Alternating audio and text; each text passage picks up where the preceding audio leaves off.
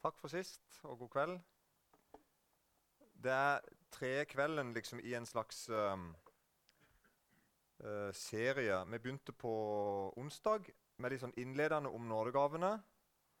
Og så I går begynte vi sånn konkret på noen av de nådegavene som Paulus nevner i 1. Korinterbrev kapittel 12. Og det er ikke alle nådegavene som står der. Det er ikke, det er ikke som en fullstendig liste. så Vi tar bare de som står der, og så vet vi at det er, det er flere. Og de eh, på en måte er ikke sånn vanntette skott mellom de, at det er jo akkurat sånn eller sånn. eller sånn. De, de er vevd inni hverandre og ja, og forandrer seg faktisk òg for noen. Så bare sånn litt oppsummert det vi har hatt om de andre kveldene, bare sånn at vi henger litt med. Gud gir nådegave som han vil. Sånn sier Paulus mange ganger i det kapitlet, eller versene vi akkurat skal lese nå. Så det, det, er tydelig at Gud gir deg den gava som han vil gi, gi til deg. Og det, det kan være helt på kryss og tvers av eh, hvem du er, og om du sjøl er enig i at dette er noe som ligger for deg. Det kan være at du opplever at dette ligger for deg, og det kan være at du ikke gjør det. Det varierer. Men det er noe Gud gir sånn som han vil. Og det er ikke plent fordi at du fortjener det, at du er så så flink eller åndelig eller et riktig etternavn eller et eller annet som er viktig. Etternavn er veldig viktig, jeg inntrykk av i Bedehus-Norge. Så det er ikke alle som har det, da. Um, uh, men det, det, er på en måte ikke det det handler om. Og Derfor er det jo sånn at Nådegave er åndens gave. Og uh, Jeg snakket med noen i går etter møtet. Da var det noen som spurte meg om har alle kristne en nådegave. Og um, har alle mennesker egentlig en nådegave?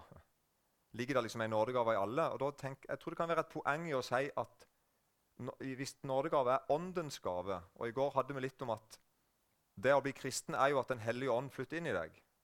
Så jeg tror det er med en sammenheng at å snakke om åndens gave uten å ha ånden blir litt sånn rart på en måte. Ikke sant? Jeg må først få ånden, og så får jeg gavene til ånden, som da er bl.a. nådegave. Samtidig så sier Jesus noe veldig rart i Matteus 7, da forteller han om noen som kommer og banker på døra vel inn i himmelen på dommens dag. Og så sier Jesus at han kjenner de ikke. Og de sier, 'Har ikke vi profetert i ditt navn?' 'Drevet ut onde ånder i ditt navn?' 'Og helbreda ditt navn', sier han. Og Så svarer Jesus fortsatt, 'Jeg kjenner dere ikke'. Så da virker det som at det er, det er noen som gjorde noen mirakler, som var mirakler sånn sett med mennesket sine øyne, og de gjorde det i Jesu navn. Men Jesus sier at 'jeg kjenner dere ikke', så jeg bare lar den ligge der som sånn en Jeg tror ikke det er sånn et matematisk svar på dette. på en måte. Det, og likeens forholdet mellom naturgaver, altså medfødte talenter du har, og gaver du har, og nådegave, tror jeg heller ikke vi kan skille. Ikke sant? Derfor vil en kristen liksom si til Gud at nå, her er, meg, her er jeg. Du får bruke meg. Både det du har utrusta meg med på en spesiell måte, sånn, helt sånn utenfra og inn, og det som du utruster meg på en litt mer sånn naturlig måte, biologisk og kulturelt, og hvem jeg er i slekt med, og hva, jeg, hva skole jeg har gått på, om, eller om jeg har gått på skole, og, og, så videre. Så det er, ja, For en kristen så vil det, være, vil det være vanskelig å skille. og Jeg tror ikke du skal stresse så mye med det heller. Derfor snakker Bibelen mye om å stille hele seg til disposisjon for Gud. Og Derfor er det sånn at Når en kristen lever sånn som han skal, så er det et spesielt liv du lever, som blir lagt merke til. Du elsker fiendene dine, du elsker nesten din som deg sjøl. Du vender det andre kinnet til. Uh, det er veldig mye rart med deg som ikke er sånn helt dette Ja, du gjør rare ting. Og i tillegg så, så har du liksom et, et, større mål for livet enn en her og nå. Ja.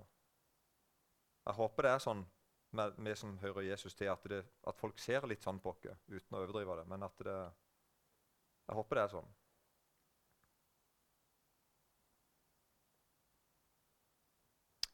Sånn, og så, må vi, at det, vi, kan ofte gjøre det litt sånn ydmykt og fromt liksom, og si at det er ikke så nøye med meg. Jeg trenger ikke noen gave. jeg liksom. Det høres litt sånn, ja, det er en skikkelig sørlandsting å si. I alle fall. Liksom, det er ikke så farlig med meg.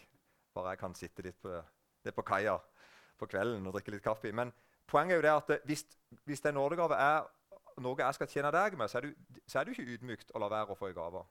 Ikke sant?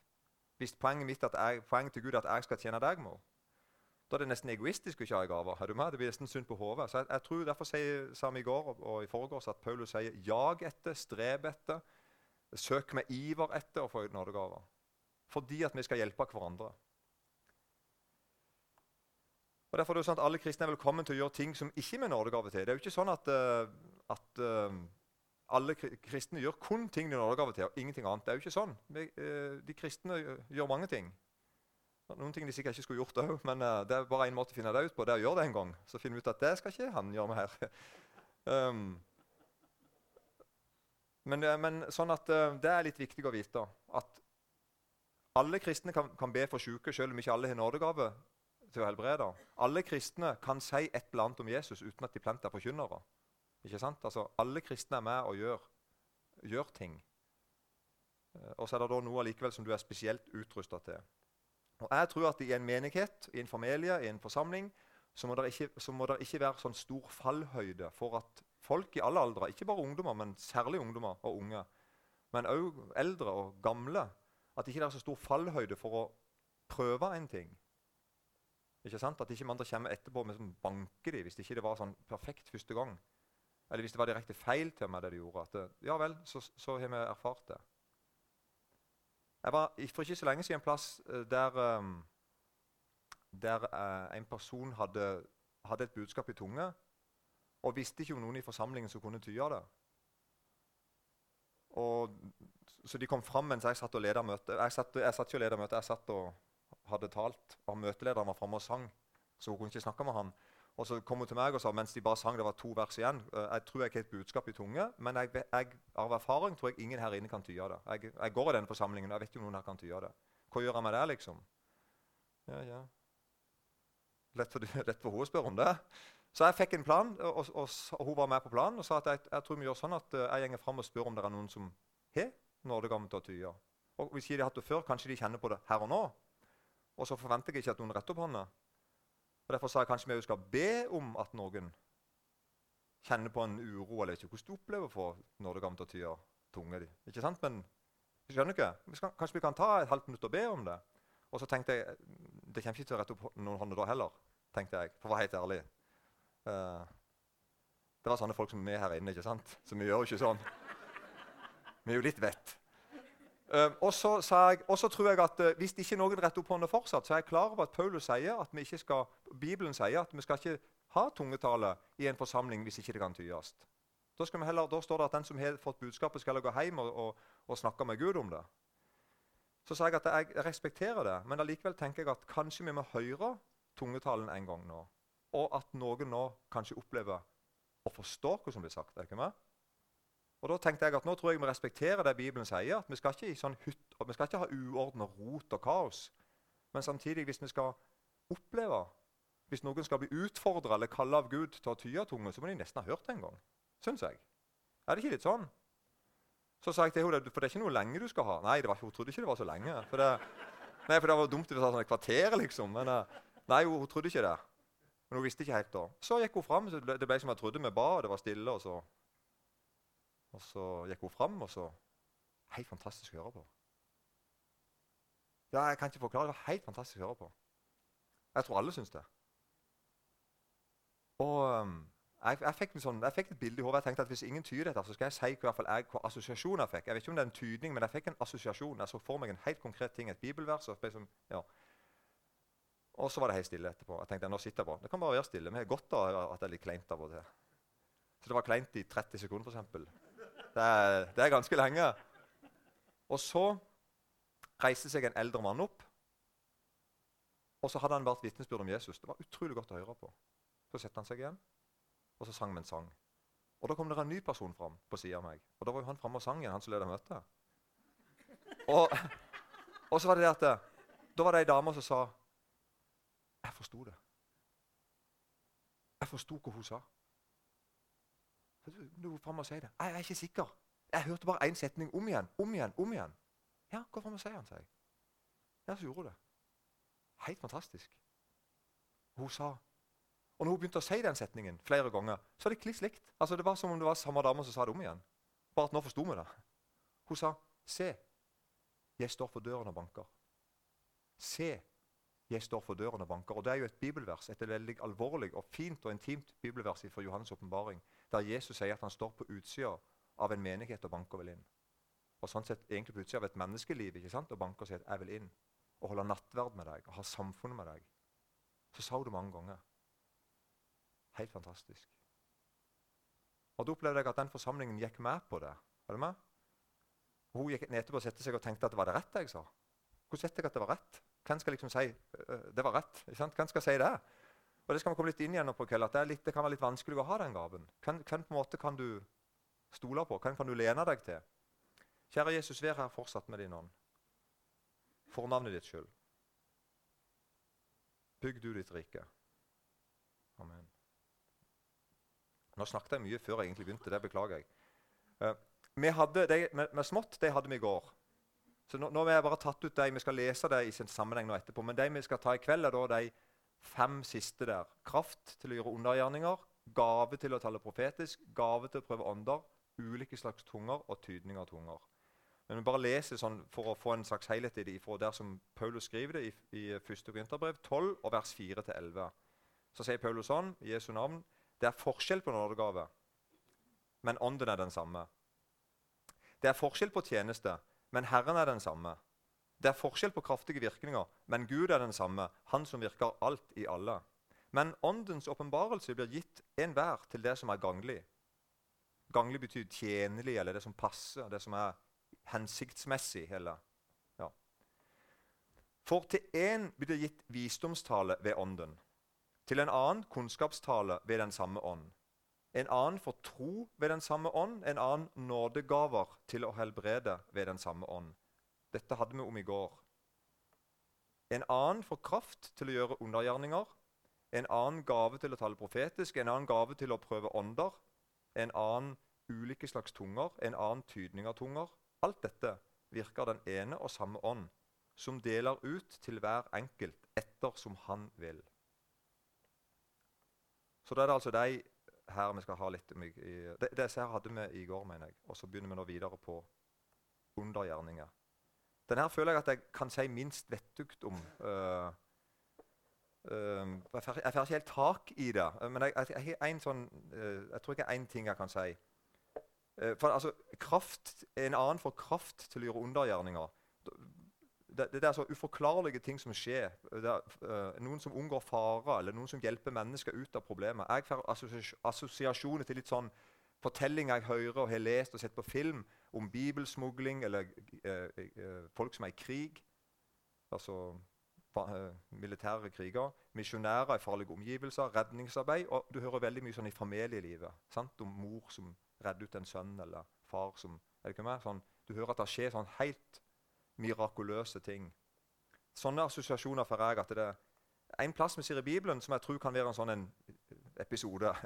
Um, som ikke ser ut som at som de hadde nådegaven til å skjønner du, Det, det bare skjedde noe, noe, voldsomt noe. Det er altså når, når de sier Paulus og Silas sitter i fengsel. Og Ved midnattstid holdt Paulus og Silas bønn og sang lovsangen til Gud. og Fangene hørte på dem. Da kom det med ett, et sterkt jordskjelv. Så fengselets grunnvoller rista, og straks sprang alle dørene opp, og lenkene falt av alle fangene. Det tenker jeg kan være sånn en, et, et eksempel på sånn en spektakulær opplevelse. Hva som skjedde nå. Um, og Det som det virker som at Gud setter deg i Du som har denne gaven til å gjøre, Du som har denne kraften til å gjøre undergjerninger. Det virker for meg som at Gud setter deg til å gjøre ting som du er klar over at ikke du er herre over. Er du med? Altså, Du er på en måte klar over at nå gjør han noe som er Hvis ikke Gud er med nå, så går det gale. Og Dypest sett kan vi si at det gjelder jo alle. ikke sant? Men du skjønner hva jeg mener, noe som er sånn utenfor det, det, det, det vanlige. Og på en måte, Du visste egentlig at det var en risiko, men du sa ja. Og nå stender du der da, med et, for et gevær i ryggen. Jeg snakket med en som drev og smugla kristen litteratur til et land østover for noen år siden. Som sto en dag sånn inntil bilen sin med et gevær i ryggen og bilen full av kristen smusslitteratur. skulle jeg si, kristen litteratur. Ikke sant? Og var tatt for det. Og da sto han og tenkte med som Hvem var det som skrev denne sangen? At dette sa han, han er svensk. og han. Hvem var det som skrev denne sangen? De kan ta mitt liv og min liv og det der. Hvilken løk var det der, sa han. For det, er sånn, det er sånn du kan synge og tøffe deg om ikke sant? når du sitter trygt på bedehuset og synger. De kan ta livet mitt. Ja, ja, ja. Men nå sto han plutselig der da, med et gevær i ryggen og kjenner at jeg ikke har så lyst til å synge den sangen nå. Sånne episoder. Han overlevde da. Uh, Mista alle bøkene sine, men, men, fikk lov å reise videre. Så uh, det er noen som har på en eller annen måte blitt kalla til å gjøre sånne ting, og vi andre tenker hva er de holder på med for noe? Og det er jo sånn, tror jeg, Du som har denne gaven, at eh, vi andre har en tendens til å bli imponert over deg og fortellingene dine og alt det voldsomme. ikke sant? Mens du snakker mer om Herren din som frir deg ut. Og jeg skriver her at Gud må jobbe med deg. altså er det med? Gud må arbeide med deg, så ikke du blir stolt og sjølhjulpen. på en måte. Det, det, ser jeg for meg, og det er det jeg hører. Det jeg har noen jeg, han, jeg, akkurat han svensken som jeg har fortalt om, høres ut som at Gud må ha en ekstra runde med han. for liksom å, ja. Og, det, og da er poenget mitt, da der, uh, Verset er jo altså uh, Verset er altså En annen får kraft til å gjøre undergjerninger. Er du ikke med? Og det er min tanke da, Dette er bare min tanke, høyst diskutabelt. Uh, men min tanke er at du får en kraft Kraften er at du, altså, du, du, du opplever store under uten å miste tilliten til Gud. Du opplever store under uten å bli sjølhjulpen og bare en slags fyr som ikke trenger Gud mer. Er du med? Jeg tror at mye av kraften er det, og jeg henter litt derifra. Paulus sier at han, for at han ikke skulle opphøye seg sjøl av de overmåte store åpenbaringene Paulus opplevde så svære åndelige ting at han sier at eh, Gud måtte gjøre noe for at han ikke skulle opphøye seg sjøl. Og min tanke da, Kanskje det er litt av den kraften som du får, du som får kraft til å gjøre undergjerninger. At Gud kommer til deg og på en spesiell måte gir deg noe som gjør at du fortsatt er avhengig av han. Ikke på en måte blir sjølhjulpen. Så Paulus sier at hos han så var det en Satans engel som slo han, for at ikke han skulle opphøye meg. Om denne ba jeg Herren tre ganger at han måtte vike fra meg, men han sa til meg, min nåde er nok for deg, for min kraft fullendes i skrøpelighet. Derfor vil jeg helst rose meg av min skrøpelighet, sier Paulus for at Kristi kraft kan bo i meg. Så dette høres ikke akkurat hyggelig ut, da. Men jeg tror likevel det er noe her. At når en kristen, når en, når en, når en person ikke trenger Gud mer, da er, ikke, da er, det ikke, greit lenger, altså. Da blir du guffen uh, og har med å gjøre det én ting, og du mister rett og slett til slutt livet i Gud. I, på tross av alt det svære du opplever. Så Paulus sier altså da at jeg takker Gud for at han gjorde det. Han, han stelte med meg sånn at jeg kunne oppleve de svære åndelige tingene uten å miste avhengigheten min til han. Vi ser en annen plass også, bare sånn som et eksempel på det, at uh, En gang Jesus sendte ut 35 par, 70 stykk, og sa de ikke skal gå ut. Han hadde helt sånn spesifikke uh, beskjed hva de skulle gjøre. Og så kom det da i vers 17, når jeg er Lukas 10, så kom de 70 glade tilbake og sier, 'Herre, til og med de onde åndene adlyder oss i ditt navn.' Og Så bekrefter Jesus det og sier, 'Jeg så Satan falle ned fra himmelen som et lyn.' Altså, ja, det er sant. Det skjedde noe når dere var ute. Og Så sier da Jesus videre.: Se, jeg har gitt dere makt til å trå på slanger og skorpioner over alt fiendens velde, og ingenting skal skade dere.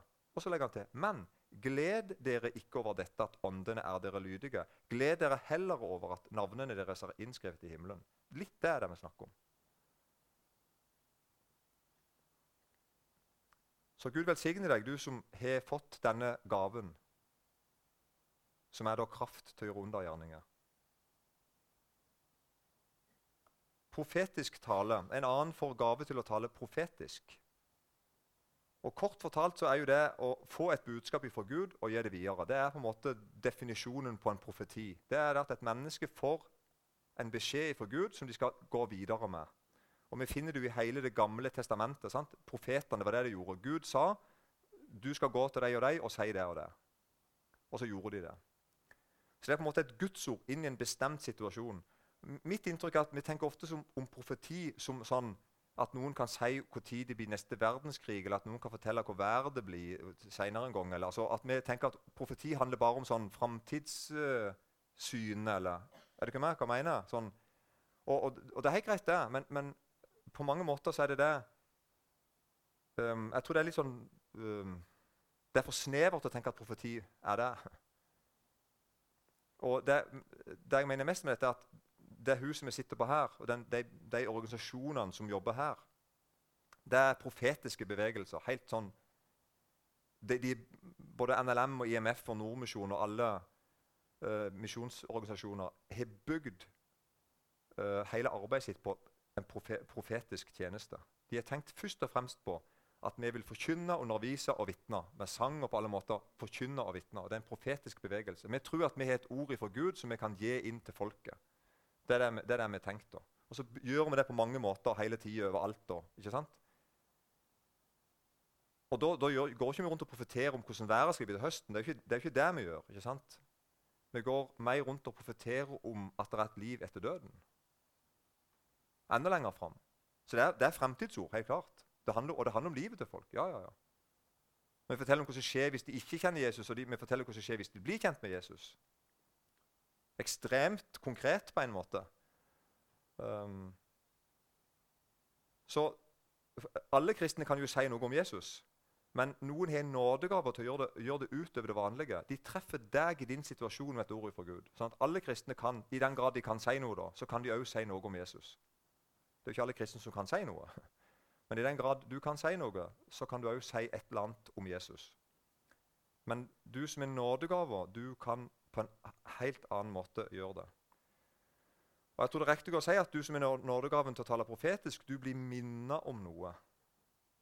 Det dukker opp noe på en eller annen måte i, i, i sinnet ditt, i tanken din. Jeg skal være at du kan få drømmer og tanker og ideer som du ser at stemmer med Bibelen. Og du tenker at alt Guds ord må ut. Og med det så mener jeg altså Nei, dette er litt sånn studieutgave, så han er litt tjukkere enn han trenger. jeg skulle si, Men allikevel, en, en, profet tenker, en med profetisk uh, nådegave tenker at alt dette ordet her skal ut. Karmøy trenger alt dette her. Men så er du klar over jeg kan ikke gi alt dette i kveld. Det er du ikke enig om? Det gidder du ikke. Sånn at det, Hva skal jeg gi i kveld, da? Sant? Det er egentlig det som da Gud må, uh, Gud må da jobbe med han, han, eller hun som har gaven til å tale profetisk. Til å minne på en eller annen stoppe deg opp og gjøre deg oppmerksom på noe. Og Det kan skje på mange måter. Jeg for min del uh, uh, leser Bibelen. Det vil jo de fleste det er jo beste tips. skulle jeg si. Men også, når jeg er ute og kjører bil, særlig da jeg har litt fred, da ofte kommer det ord til meg. Eller en, en, eller en idé, eller et stikkord, eller en gøy ting å si. Eller, skjønner du et eller annet, Og så stopper jeg og så skriver det ned. Um, sist så E39, og det skulle jeg ikke ha gjort. Det så jeg etterpå. At det, akkurat der på et sånn dobbelt uh, krabbefeltet, det var ikke vits i. Men uh, det var en veldig viktig ting jeg skrev ned. Men og, for jeg merker Hvis ikke så glipper det. Jeg glemmer det. Det forsvinner. Så jeg sånn, nå må jeg få det ned. Og du er avhengig av få, å, av å få ord ifra Gud. Og Det er to, særlig to, plass, to, ting som jeg vil si om du som er gaven til å tale profetisk. Og Det er det at du er avhengig av Bibelen. Du er fullstendig klar over det at det finnes ingen beskjeder noen gang fra Gud som vil stri imot Bibelen. Du er fullstendig klar over det. Jeg, jeg vil ikke gi én beskjed til noen folk som er i strid med Bibelen. Det er du klar over. Det er din autoritet, på en måte. Og du er oppmerksom på Bibelen. Derfor, derfor leser du Bibelen, du lever i Bibelen, du lever etter Bibelen. Du, du snakker, du grever, du, ja, du er interessert i Bibelen. Men det er én ting til som du er interessert i, og som jeg tror er enda viktigere å minne dere om, og det er tida. Du er veldig interessert i tida du lever i. Og Ofte bruker vi tida som en farlig ting. altså Tida nå er så fæl. er det med? Og det kan godt være òg. Jeg har ikke så veldig mye å sammenligne med. Men poenget er at det er nå vi lever. Jeg lever ikke i morgen eller i går. Det, det er nå jeg lever. Og det er, bare, det er bare ett tidspunkt at noen her inne kan møte Gud. Og det er nå. Er du ikke tenkt på det? Det, altså, det er ikke tull jeg sier nå. Det er bare ett eneste tidspunkt der du kan møte Gud. Og det er nå. Eller nå. Eller nå. Det er ingen, det er ingen andre tidspunkt. Er du ikke enig i det? Du kan ikke møte Gud i går. Og du kan ikke møte Gud i morgen nå. Så du kan bare møte Gud nå. Og det vet du som er nådegaven til, til, å tale profetisk, veldig mye om. Det er nå som teller. akkurat nå. Og da må jeg vite noe om tida. Jeg må vite noe om deg og hvem du er, hvordan du er, hvorfor du er sånn. Jeg må, jeg må være interessert i det. Og så må jeg være interessert i en ting til. Jeg må være klar over at Gud driver og timer ting. Så Derfor vet jeg at det å si en ting prikk likt en som, at det å si en ting prikk likt en som sa noe i fjor eller for 100 år siden, det er ikke sikkert det er godt sagt. Skjønner du hva jeg mener? Det er ikke sikkert. Det kan være, men det kan være det er bare tåpelig. Så jeg må si noe nå til folk som lever nå. Og sånn at de forstår det. Og det er veldig viktig. Så jeg har prøvd meg på, på en litt annen skrifttype, altså litt større skrift. Også, uh, En profet sier noe viktig til riktig tid, på riktig måte, til deg inn i livet ditt.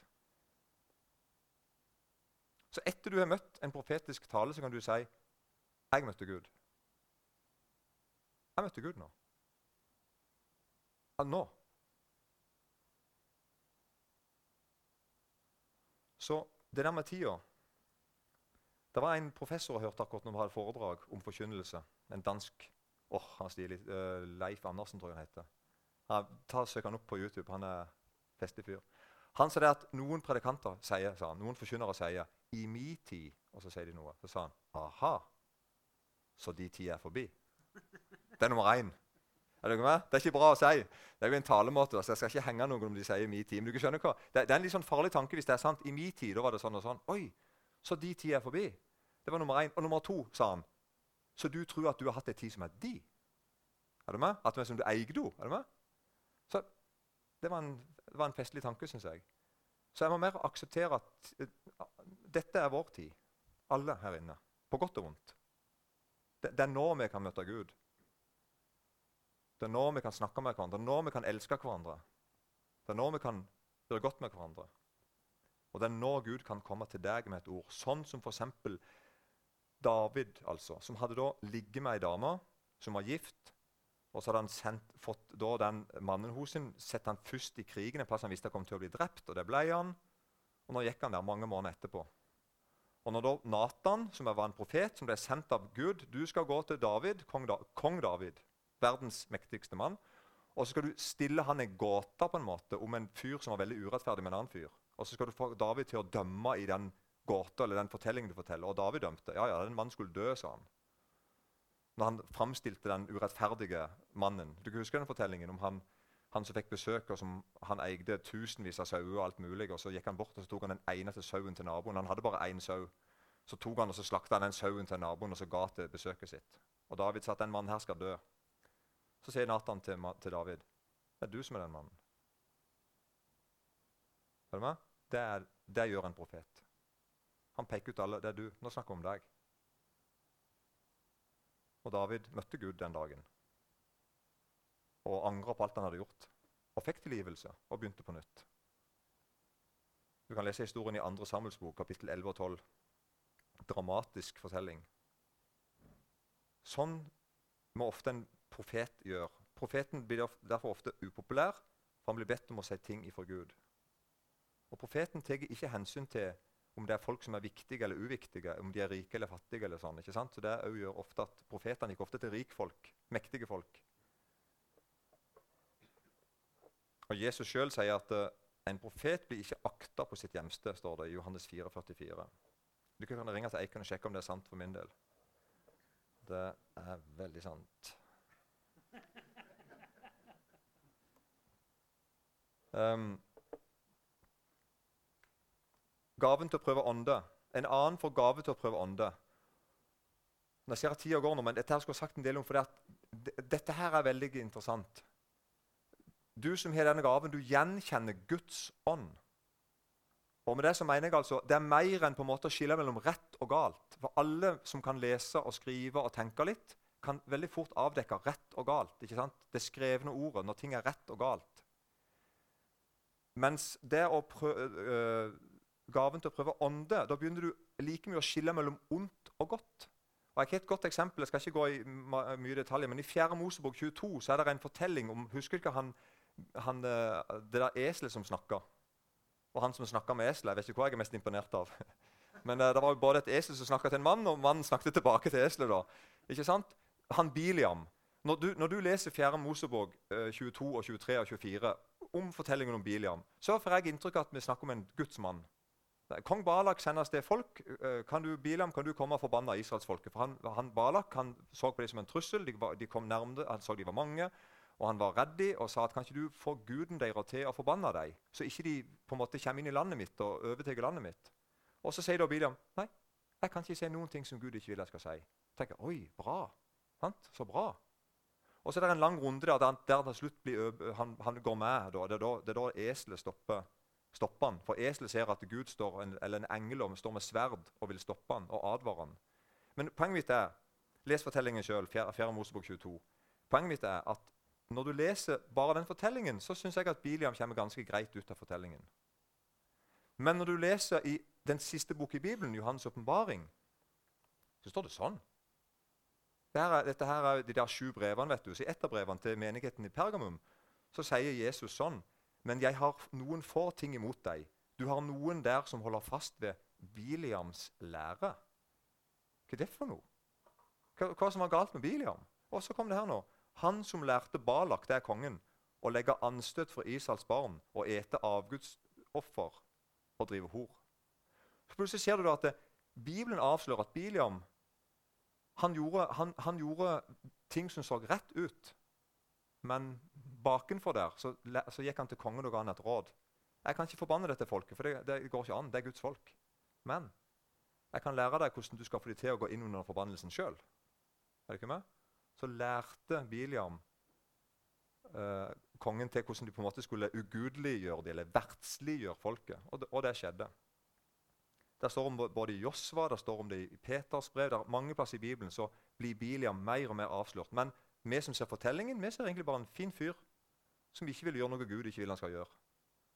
Og I tillegg har denne store opplevelsen han snakka med et esel. Ikke sant? Det, det, høres jo bra ut, liksom. Og det er tror jeg, at nådegaven til å prøve ånde du ser, du ser nettopp dette her. At det, ja, jeg, ting som ble sagt, var riktig. Det var godt og sant, alt mulig sånn.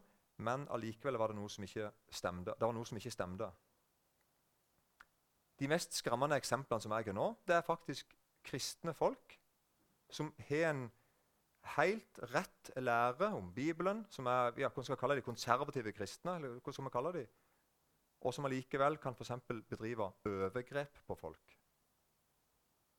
Kan du tenke deg? Du møter en person som alt er på stell godt kjent i Bibelen, har rette mening om alt mulig. ikke vel? Og så får, du, så han greie på seinere at uh, den personen gjorde de grusomste ting med noen folk. Er du med? Du som har gaven til å prøve ånde, tror jeg fortere kan sense sånne ting når noe ikke er som det skal med noen. Enten det er i et helt miljø eller med enkeltpersoner. Hebreerbrevet snakker jo litt om at alle kristne skal øve seg opp til å øve opp sansene sine til å skille mellom godt og ondt. Og da tenker jeg Det er noe annet enn rett og galt. Mer, du kan tenke meg sånn En akse med rett og galt der man kan måle rett og galt på. Det er en veldig viktig, viktig akse. Og så er det liksom ondt og godt i tillegg. Er du med? Det er liksom to forskjellige akser på en måte. Og Jesus sier jo hvor vanskelig dette er i Matteus 7. Vokt dere for de falske profetene. De kommer til dere i fårehamn. Altså de er kledd ut som sauer.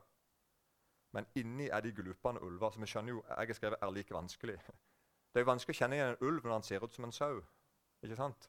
Men det er det som gjør dette vanskelig, og som gjør at Gud sier at det er, det er noen jeg vil på en spesiell måte utruste med noen gave til å prøve åndene. Sant? Avsløre stygge ting.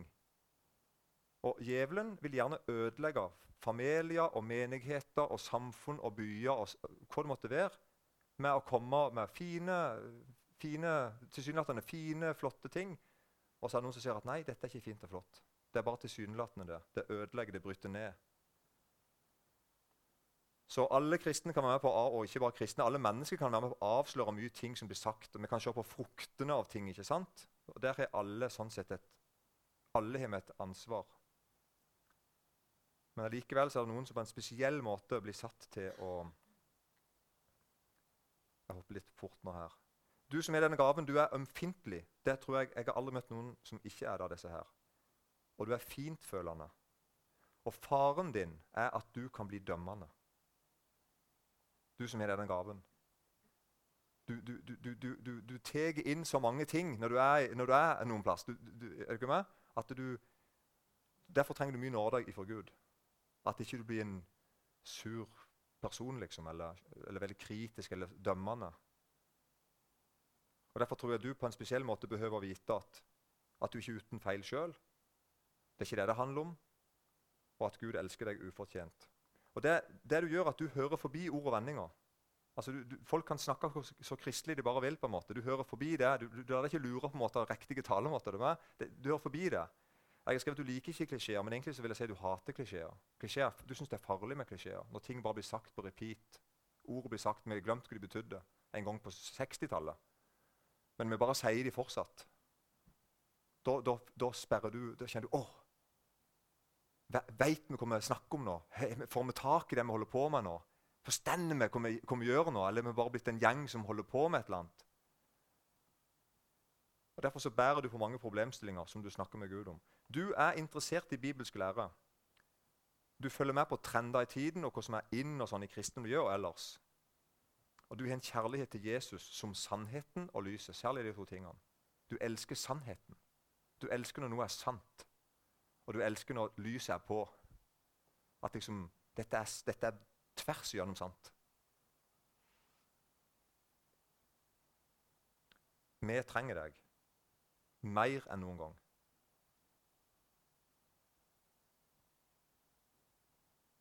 Jeg begynte på onsdag, da fortalte jeg om sist gang jeg trong det på et møte. Der jeg opplevde noe ubehagelig. og kjente at jeg, jeg, jeg, vet ikke hva som skjer nå. Er det bare jeg som reagerer med følelsene mine? liksom sånn, Eller er det noe stort noe? Og Da ringte jeg til en person som jeg har tillit til, og som jeg tror har gaven til å prøve andre. Det var til stor hjelp for meg. Hva skal jeg tenke om denne situasjonen? Og så har vi allerede nå vært inne litt på tunge. Nå, nå stresser jeg meg opp her. Hvor, he, hvor mye tid har vi nå? Bare så ikke jeg uh... OK? Så går du, går du hjem? ja. Nei, jeg skal jeg litt på det, men, men uh, er det greit? Færre noen minutter til? Er det greit? Ja. Um, en annen får ulike slags tunger, en annen tydning av tunger. Du som har denne gaven, du har et språk som ikke er av denne verden. Bokstavelig talt. Det er ikke av denne verden. Det fins ingen glosebøker eller grammatikkbøker på det. Du kan ikke google det engang. Google Translate funker ikke engang. Og du kan be til Gud med dette språket. Og du kan med hjelp av tydning komme med et budskap ut til andre. Og da, du er avhengig av at det må bli tyder, for vi andre skjønner jo ingenting av det. Og kanskje heller ikke du. Og det er kanskje det vanlige. Jeg har med en ting her at det, Noen har begge gavene. og Her er to skriftsteder som jeg mener viser det. Begge to er fra 1. Korinterbrev 14. Fra vers 5 og vers 13 så er det to vers som jeg mener viser til at det er noen som har begge gavene, både til å tale tunge og til å tyde. Er ikke med på den? Der står det om den ene, hvis Den som taler profetisk, er større enn den som taler med tunge. Hvis han da ikke tyder det. Det ser ut som at det er samme person altså, som har en budskap, og som tyder det sjøl. Og den andre er la derfor den som taler med tunger, be om at han må kunne tyde det. Det ser jo ut som at Gud og Paulus her mener at det går an å ha både budskapet og tydningen. Men det vanligste er nok, tror jeg, eh, så langt jeg har forstått, at det er én som har budskapet, og en annen som har tydningen. Og Det vil også være en veldig fordel for menigheten og for de det gjelder òg. Altså for den som taler med tunger, taler ikke for mennesker, men for Gud. Ingen kan forstå ham, men han taler hemmeligheter i ånden. 1. Korinterbrev 14,2. Og I 14, 14 står det for når jeg ber med tunger For Paulus sier at han, det er ingen som ber så mye som han. Det er ingen som taler så mye tunge som han. For når jeg ber med tunger, da er det min ånd som ber. Men min forstand har ingen frukt av det. Er det ikke med? Det kan høres nesten negativt ut, men det er det jo ikke. Dette, vi snakker jo her om kjærlighet, på en måte, ikke sant? eller noe sånt. Noe intimt fellesskap. Og jeg må si at Når jeg hører tungetale jeg, jeg er ofte sammen med folk som ber i tunge Gjerne hvis vi en bønnestund og vi ber bare sitter og ber litt uh, sammen litt hver for oss, så hører jo jeg jeg hører jo at det er et slags barnslig språk. Er du med? Altså sånn, ja, Det er ikke negativt barnslig, men barnslig med tillitsfullt språk. Noe inderlig intimt mellom den som ber, og Gud. Og jeg, forstår, og jeg er med på dette utenfor forstanden. Det høres sånn ut. Ikke sant? Hva var det han eller hun egentlig sa nå? Jeg vet ikke. Men det høres fint ut. Men alle kristne kjenner til dette. her, for det at alle kristne, uansett hvem du er, når I det øyeblikket du ble kristen, så fikk du Den hellige ånd inn i livet ditt. Og der står faktisk at dere fikk jo ikke trelldommens ånd, så dere igjen skulle frukte, men dere fikk barnekårets ånd, som gjør at vi roper 'Abba, far'. Så i en kristen så sitter Gud og roper på Gud. Det er en kommunikasjon her inne som ikke er min engang. Det er Gud som, altså Den treenige Gud er i fellesskap med seg. Er du med? Og jeg er, og jeg er i fellesskap med Gud. Og Dette er, noe, dette er for alle kristne. altså. Det, det er en helt enorm ting. Det er noe inni deg som, som roper 'pappa', 'pappa', 'pappa'. For det, hvorfor det? Fordi at du er barn. Du gjør det når du er glad, du gjør det når du er redd, du gjør det når du er trist. Du gjør det hele tiden nesten. Et, et, et stadig bønn til Gud fordi at du er hans sitt barn. Og Sånn sett er bønn i tunge egentlig å sette nesten ord på det der språket som vi alle kjenner litt til. For du er kjent, ikke sant? Du, du skjønner hva jeg mener nå? Det der inni deg som roper om du vil eller ikke, som du ikke kan nesten sette ord på. Det er kanskje bare sukk eller snott eller tårer eller ja. Veldig viktig. Jeg er bedt om å få denne gaven fordi jeg opplever meg så rasjonell. og 1 pluss 1 er 2 og, og sånn. Og så tenker jeg, åh, det høres så Jeg har lyst til mer å sitte på fanget til far. hvis du skjønner. skjønner du? Da kjenner jeg at jeg er redd for at jeg skal bli for stor til det. eller for, et, noe sånt. Og så er det da noen som har gaven til å tyde. Og Det du da kan, er at du rett og slett kan oversette det som blir sagt. Og Min erfaring Dette er bare min bitte lille, min lille verden fra indre bygde. Men uh, i, i, den verden der da, så er min referanse at noen av de som kan tyde, sier at de opplever nesten å ha sin egen grammatikk.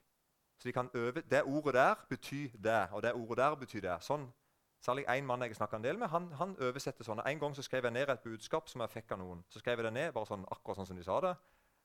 Og så sendte jeg det på SMS til han, og, og da kunne han oversette ca. 70% av det. Resten skjønte han ikke, sa han.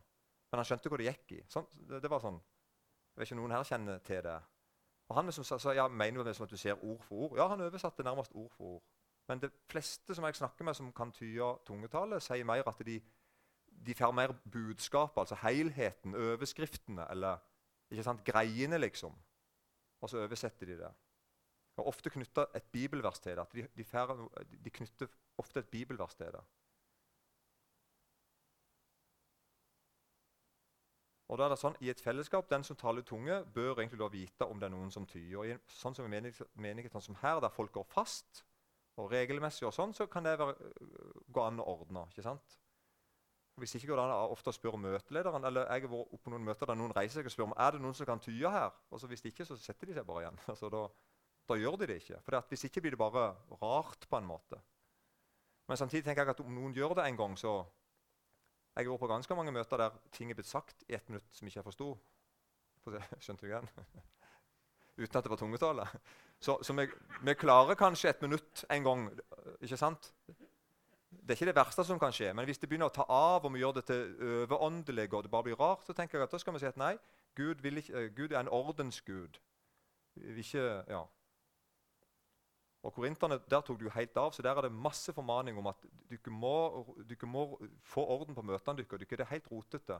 Dere kan ikke tale tunge i munnen på hverandre, f.eks. Én om gangen. Og det må tyes. Sånn snakker Paulus der, og det er helt riktig. Gaven til å tye kan være krevende, for ingen andre kan støtte deg så lett. Den som reiser seg og tyer, kan fort bli mistenkt for ja, Var det nå sant, det du sa? Og jeg har en, en, en um, jeg har et par erfaringer med særlig én plass der det var ei dame som ofte, eller rett som det var, fikk budskap i tunge. Og det var én person i den forsamlinga som tya det. Og etter to-tre år så sa han personen som tya, at 'jeg klarer det ikke mer'. For det, hver gang du kommer med de budskapene dine, så er det så dømmende og tungt inn i forsamlinga og folk kommer til meg og skulle til seg nærmest sur på meg. Og jeg kjenner selv jeg er i tvil om er det bare jeg som hører det så tungt, eller er det så tungt. Så han, han sa at jeg vet ikke om jeg orker dette her mer. Er det ikke mer? Og jeg, jeg, skjønner, jeg skjønner, situasjonen. Um, så jeg tror det kan være krevende, du som har den gaven.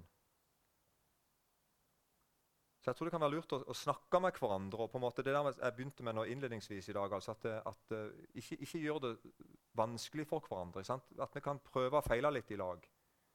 Uten å være, heller ikke være feige med å si ifra hvis ting blir for dumt. liksom. Men allikevel at vi, at vi kan hjelpe hverandre. Så jeg skrev her med liten skrift at nådegaven til å tale i tunge er faktisk den eneste gaven som kan være kun til egen oppbyggelse. Det, det, hvis du sitter og ber i tunge, så står det i Bibelen at da, oppbygg, da oppbygges du av det. Ja.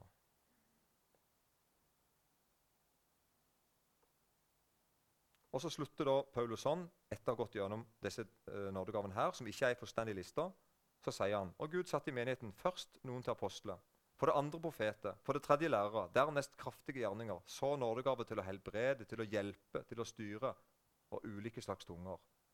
Og så kommer vi med noen sånne retoriske spørsmål. Er vel alle apostler? Og det er jo underforstått nei. Er vel alle profeter? Er vel alle lærere? Gjør vel alle kraftige gjerninger? Har vel alle nådegaver til å helbrede? Taler vel alle med tunger? Kan vel alle tyde dem? Og underforstått nei. Men, men streb etter de beste nådegavene, og jeg vil vise dere en enda bedre vei. Og Dypere sett da, så er nådegavene eh, Når menigheten samles og nådegaven får lov å fungere, så er det akkurat som at Jesu kropp reiser seg opp. er det ikke med? For alle det nådegaven vi har hatt om nå, er jo alle de tingene der er det det Jesus gjør. Perfekt 100% hele tida. Han kan alt dette her. Han er alt dette her. Og Når menigheten samles, da, så kommer fingeren og foten og kneet og armen. Og, så, så, så møtes vi. Og så er det faktisk sånn at, at menigheten er Guds altså det, det, det, det, er Guds store under på jord. Menigheten. Menigheten er Jesus sjøl. Det er Jesu kropp på jord. Er det ikke med? Derfor så, derfor så møtes vi, og så jager vi etter, med iver etter nådegaven. Og så vet vi at nå, nå reiser Jesus Kristus seg opp på åkra. Og så går han rundt i gatene, på jobben og på skolen og i heimene. Er det ikke med? Det er det som skjer. Sånn at hvis noen her vil møte Jesus, så må de møte dere. Sånn har Jesus bestemt at det skal være. Det er dere han skal møte.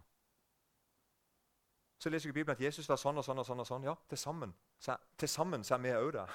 I en svak utgave, kan du godt si. En, ja, en ufullkommen utgave, men vi er det. Og det er helt på ordentlig. Vi er hans kropp, og han er hodet.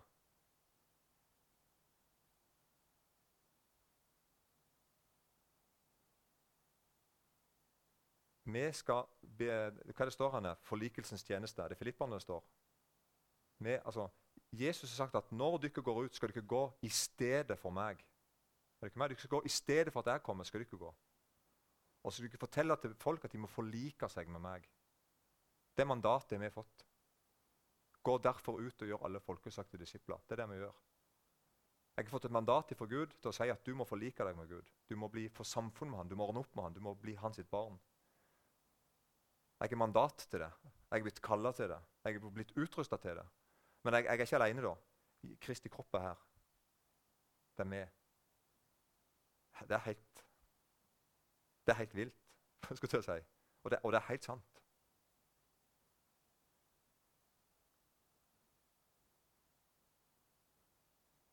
Kjære Jesus, takk at du vil ha oss.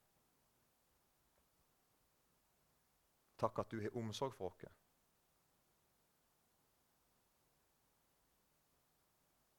Takk at du vil kjennes ved oss.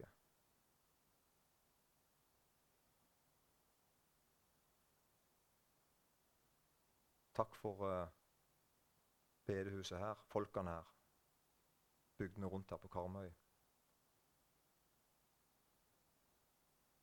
Se til de som er det vanskelig, se til de som er syke, se til de som er alene. Se til de som er det vondt.